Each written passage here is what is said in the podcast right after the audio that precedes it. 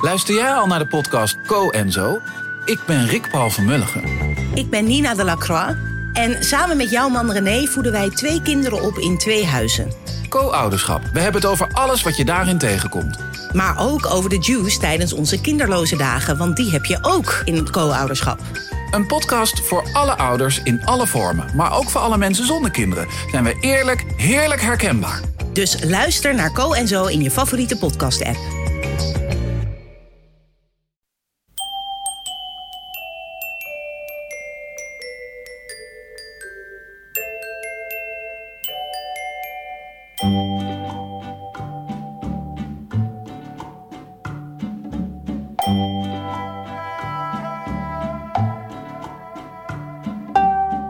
Welkom bij aflevering 162 van de Echt Gebeurd podcast, waar waargebeurde verhalen worden verteld door de mensen die ze zelf hebben meegemaakt.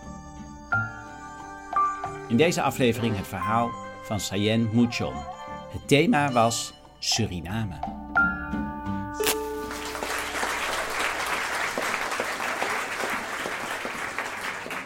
Mijn ouders zijn allebei geboren en opgegroeid in Suriname. En uh, zijn op jonge leeftijd uh, naar Nederland gekomen voor, ja, voor, een betere, voor een beter leven, een betere toekomst. Mijn moeder is, uh, is met de boot gekomen, een reis van twee weken. En mijn vader is met het vliegtuig gekomen. En toen zijn ze gaan samenwonen in Zandam, waar ik ben opgegroeid. En eigenlijk heb ik een hele fijne jeugd gehad. Ze zijn ook getrouwd in Nederland. Eerst kwam mijn broer, en tien jaar later ben ik gekomen. En eigenlijk in die tien jaar zijn ze gescheiden. Dus ik was eigenlijk niet gepland.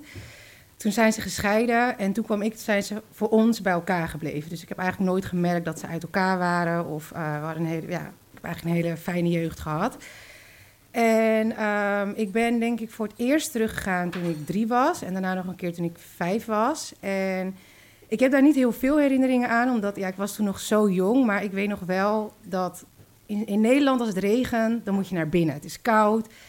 Maar in Suriname als het regent, dan gaan alle kinderen naar buiten. En dan is het feest. Dan kan je dansen in de regen. En ja, iedereen was op het erf aan het dansen. En dat is, dat is de enige herinnering die ik toen nog had. En uh, mijn vader is op een gegeven moment ziek geworden. Die kreeg een hernia en die is toen geopereerd. En na een heel lang herstel heeft, had hij het erover dat hij graag weer terug wou naar Suriname... om te kijken of hij daar een leven kon opbouwen. Mijn ouders waren officieel gescheiden, dus dat was voor ons vrij normaal. Hij, ik wist eigenlijk altijd wel dat hij waarschijnlijk daar naartoe zou gaan om verder zijn leven te leven. Maar hij zei tegen ons, of hij zei tegen ons van... joh, ik ga daarheen, ik ga, ik ga me oriënteren en dan zien we het allemaal wel. Ik, ik kom heel gauw weer terug. En uh, nou ja, zo gezegd, zo gedaan. We stonden op Schiphol en ik, ik denk dat ik toen een jaar of 17 was... En ik stond op Schiphol en ik weet nog dat ik was super verdrietig. Ik heb een hele goede band met mijn vader. En ondanks dat hij, mijn broer en mijn halfzus, die waren eigenlijk vrij relaxed. Die zeiden van, joh, fijne reis. En ik was echt heel verdrietig. En ik weet nog dat hij tegen mij zei van, maak je nou maar niet zo druk. Ik ben heel snel weer terug. Ik ga alleen maar kijken of ik daar, of ik daar wat leuks kon doen. Mijn vader was, is muzikant. Dus ik ga alleen maar kijken of ik daar misschien een leuke baan kan vinden of een leuk huis. En dan, weet je, er moet nog zoveel geregeld worden, wil ik daar naartoe gaan. Dus maak je niet zo, maak je niet zo druk. Ja, ik was toen, ik was, wat ik zei, ik was toen 17, dus voor mij ging het leven hier ook gewoon verder. En hij was daar. En ondanks dat ik hem heel erg miste, op een gegeven moment als iemand ver weg is, dan wen je eraan. Je raakt eraan gewend dat iemand niet meer bij je in de buurt is. En ja, toen, toen, is dat eigenlijk heel lang zo gebleven. En ik weet nog dat, ja, ik, ging, ik haalde toen mijn rijbewijs, toen belde ik hem, toen zei hij dat hij zo trots op me was. Maar het was ook nog een moment dat ik mijn diploma haalde, dat ik wist wanneer, wanneer ik mijn diploma in ontvangst moest nemen. En dat ik hem toen belde en zei, hij ik ben super trots op je, maar ik ga niet komen. Toen zei ik, waarom kom je niet? Zei hij, ja, duur, de tickets zijn heel duur en ik ben bezig hier. Misschien wordt het allemaal wel wat. En ja, dus op dat moment realiseerde ik me heel erg, nou ja, hij gaat waarschijnlijk nooit meer terugkomen. Want als dit niet belangrijk genoeg is, wat dan wel? Ja, ik leerde ermee leven dat hij ver is. Ik miste hem wel, maar toen de tijd was Skype en zo was toen ook nog niet. Was, ja, dat, dat kwam pas later. Dus ik was heel erg aan gewend dat hij daar was en ik hier. En ik, ik, ik leefde mijn leven verder. En toen, na vijf jaar dat hij weg is gegaan, heb ik mijn eerste reis daarheen gemaakt. En um, ik ging daarheen, ik belde hem, ik zeg, pap, ik kom op vakantie. En hij was, hij was hartstikke blij. En dus ik daarheen. En uh, ik weet nog heel goed, ondanks dat ik er eigenlijk nog nooit was geweest. Ik was nog zo jong, dat kan ik me eigenlijk niet meer herinneren. Maar ik was er nog nooit geweest. Maar als je dan aankomt daar op Zanderij, op de luchthaven... en het is jouw beurt om uit te stappen... want daar stap je niet uit op een, in een tunnel, daar stap je gewoon uit waar het vliegtuig landt. En ik, ik weet nog dat het mijn beurt was om uit te stappen... en ik werd heel erg overvallen door het, het warme gevoel van liefde en thuiskomen. En ondanks dat ik, wat ik net zeg, ik was er nog nooit geweest... maar ik voelde wel, hey, ik, ik, ik ben thuis... En mijn vader stond op mij te wachten. En uh, ja, dat was een heel mooi weerzien. Ik had, hem, ik had hem al zo lang niet gezien. En ik was daar drie weken en we hebben toen een hele hoop leuke dingen gedaan. We hebben zo van elkaar genoten. We hebben, zijn langs de waterkant gelopen. Dat is nou ja, de kant van het water in de stad. En um, ja, ik, ik, zag hoe hij daar leefde. Hij had het allemaal goed voor elkaar. Had een huisje en hij had een erf, wat wij hier de voortuin noemen, met een hond. En ja, hij, zag, hij was hartstikke gelukkig. En voor mij was het ook een stukje acceptatie van hij is hier heel gelukkig, dus het is oké. En die drie weken gingen voorbij en uh, hij nam mij mee naar, de, naar alle bekende plaatsen. Er is, een, er is een plek in Suriname dat heet Blauwgrond. En als je daar komt, dan ja, het is een beetje smoesig, een beetje viezig of zo. En toch was ik ben daar denk ik al tien keer geweest in drie weken, want daar kan je het allerlekkerst eten. En toen was het voor mij eigenlijk weer tijd om afscheid te nemen van mijn vader na drie weken. En dat kwam heel hard aan, omdat voor mij was dat het eerste echte officiële afscheid. Dat ik echt wist, jij blijft daar en ik ga terug naar mijn eigen huis. Ik stond toen ook, het was toen anders, ik, was toen uh, jong volwassen en ik ging toen allemaal samenwonen, allemaal leuke dingen doen. En toen kwam Skype ook ergens, eigenlijk belden we elkaar heel vaak. En uh, ja, het, was hoe het was. Ik miste hem wel, eigenlijk altijd, elke dag. Maar wat ik zeg, daar raak je aan gewend. En toen eigenlijk heeft het weer vijf jaar geduurd voordat ik uh, weer, weer een reis kon maken. En toen ben ik gegaan met mijn vriendje en die, was, die, die is muzikant. En toen dacht ik, dit wordt een hele toffe reis, omdat dan de man van mijn leven, die gaat mijn vader ontmoeten. En dat was voor mij heel belangrijk. Ik dacht, twee muzikanten, kan niet misgaan, helemaal leuk. En uh, mijn vriendje die zou daar zijn voor één week. Hij zou daarna weer doorgaan. Hij moest optreden. Hij zou daarna weer doorgaan naar Curaçao. Daar had hij een volgend optreden. Dus ik ging vooruit. Ik zou drie weken blijven. Dus ik ging vooruit en ik was super nerveus omdat ik daar weer heen ging. En ik wist dat die ontmoeting plaats zou vinden. En daar aangekomen stond mijn vader natuurlijk weer op mij te wachten. En uh, toen een aantal dagen later kwam mijn vriendje aan. En toen zei mijn vader van, nou weet je wat ik echt leuk zou vinden als we naar, naar uh, Sanderij gaan en we gaan hem ontvangen. Ja, zo gezegd, zo gedaan. Het is best wel, het is niet een half uurtje rijden, volgens mij wel anderhalf uur rijden daarheen, dus wij daarheen. En uh, we stonden daar en hij kwam aan en we stonden daar niet alleen, want hij was geboekt. Dus zijn boeker stond daar en er stond een brassband, ja, een Surinaamse band. En stonden wat danseressen die hem kwamen ontvangen en zijn team. En het was eigenlijk een heel, ja, was echt een heel vervelend moment, omdat hij werd helemaal opgeslokt door wat er daar gebeurde. En mijn vader en ik, die stonden daar eigenlijk een beetje. En hij deed heel aardig zo zijn hand omhoog en hij zwaaide even. Maar mijn vader had eigenlijk verwacht dat hij mij in de armen zou vliegen en zich netjes zou voorstellen en zo zou vertellen hoe blij hij met me was. En dat moment kwam eigenlijk niet. Dus mijn vader zei dat, nou, we stonden daar een uur en zei mijn vader, ik denk dat we beter naar huis kunnen gaan, want we kunnen onze tijd wel beter verdoen. Oké, dus toen zijn we de auto ingestapt en mijn vader en ik zijn 200 op één buik, dus we hebben altijd wel iets om over te praten. Maar die reis van de luchthaven naar huis was heel stil. En voelde erbij wel een beetje hangen. Ik keek naast me en hij zei niks. En ik dacht, nou ja, er komt vast wel nog een kans dat die twee elkaar zien en dan is het, komt helemaal goed. Maar mijn vriend werd zo opgeslokt door het werk en uh, hij was zich aan het voorbereiden. En eigenlijk ja, had hij niet heel veel tijd voor mij. Dus het weekend wat volgde, zeiden mijn neef, en ik, ik heb daar nog meer familie wonen, zeiden mijn neef en mijn nicht, weet je wat, we gaan lekker stappen, we gaan een leuke tijd maken. En uh, zo gezegd, zo gedaan. Dus we zijn naar een discotheek gegaan, Touché heet het.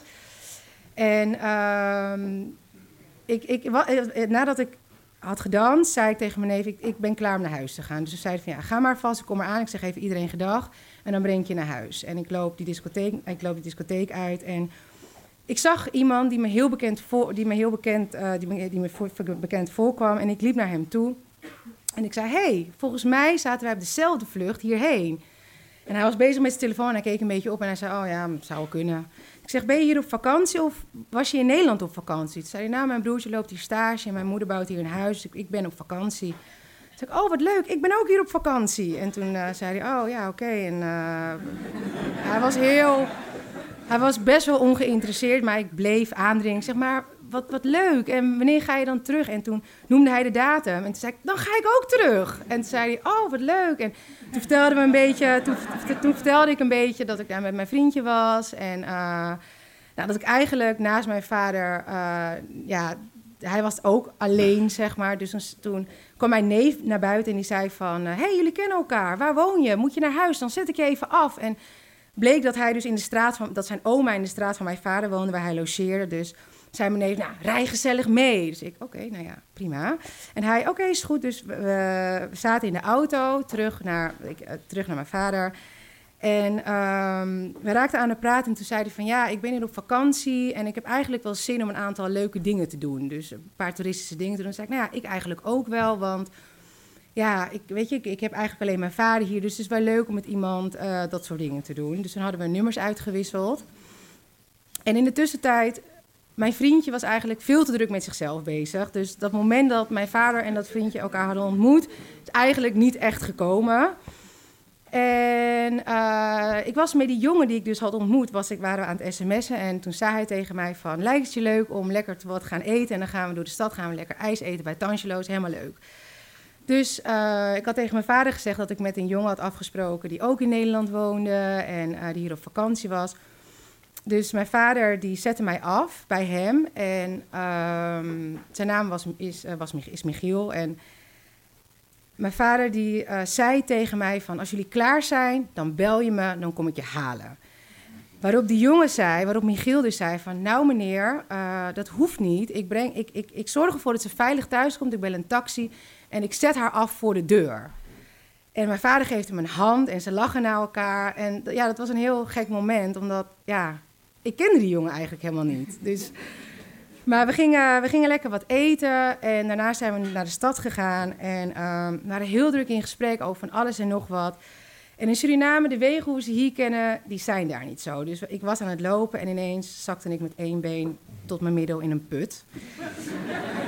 en dat was super gênant, maar ja, dat gebeurde. En ik, ik had een schaafhond van hier tot hier en hij mij uit die put hijsen en hij hij belde mijn vader. Hij zei: Meneer, sorry, maar u moet hierheen komen, want Sayen is in een put gevallen. mijn vader met gierende mannen naar de stad. En uh, toen zijn we naar het ziekenhuis gegaan. En toen ik eigenlijk daar binnenkwam, dacht ik: Hier wil ik ook niet per se zijn. Dus ik zei: Ik ontsmet het thuis wel. Dus toen zijn we naar huis gegaan. En Michiel die was onwijs zorgzaam. Die heeft met mij naar die put gehezen. En toen hebben we nog in het, in het hotel Torarica... hebben we daar het schoon zitten te maken in de meisjeswc. En hij, oh ja, nou... En, dus toen uh, heeft hij nog, toen hij wegging, zijn excuses aangeboden aan mijn vader dat dat was gebeurd onder zijn watch, zeg maar. Dus zei mijn vader, maar joh, maar het kan gebeuren. En uh, ja, en ja, dus mijn vader, die, uh, ik, had best wel, ik had best wel veel pijn. Dus ik kon echt een aantal dagen niet lopen. En Michiel sms'te mij eigenlijk elke dag van... joh, gaat het wel een beetje met je? En uh, moet je niet terug naar Nederland? En hij heeft ook nog een keer voor de deur gestaan met een bosje bloemen.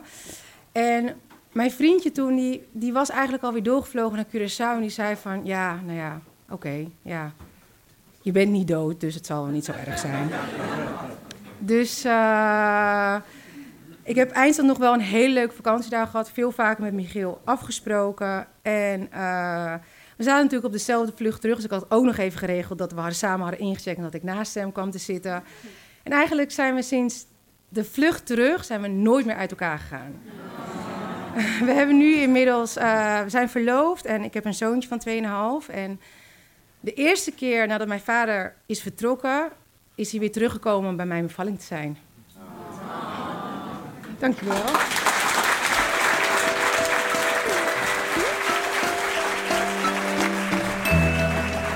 Dat was het verhaal van Sayen Toubes Mouchon.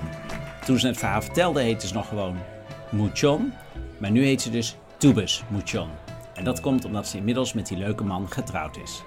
Sayen werkt bij Comedy Train en dat is de organisatie die ervoor zorgt dat wij met Echt Gebeurd iedere maand gebruik kunnen maken van Toomler, die club onder het Hilton in Amsterdam waar we altijd over praten in deze podcast. Deze zomer zijn er geen echt gebeurd middagen in Toemler. Maar in de maand juli is er wel het Comedy Train International Comedy Festival.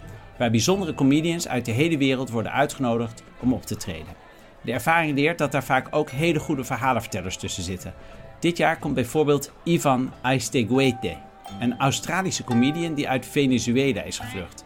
Dat is een spectaculair verhaal.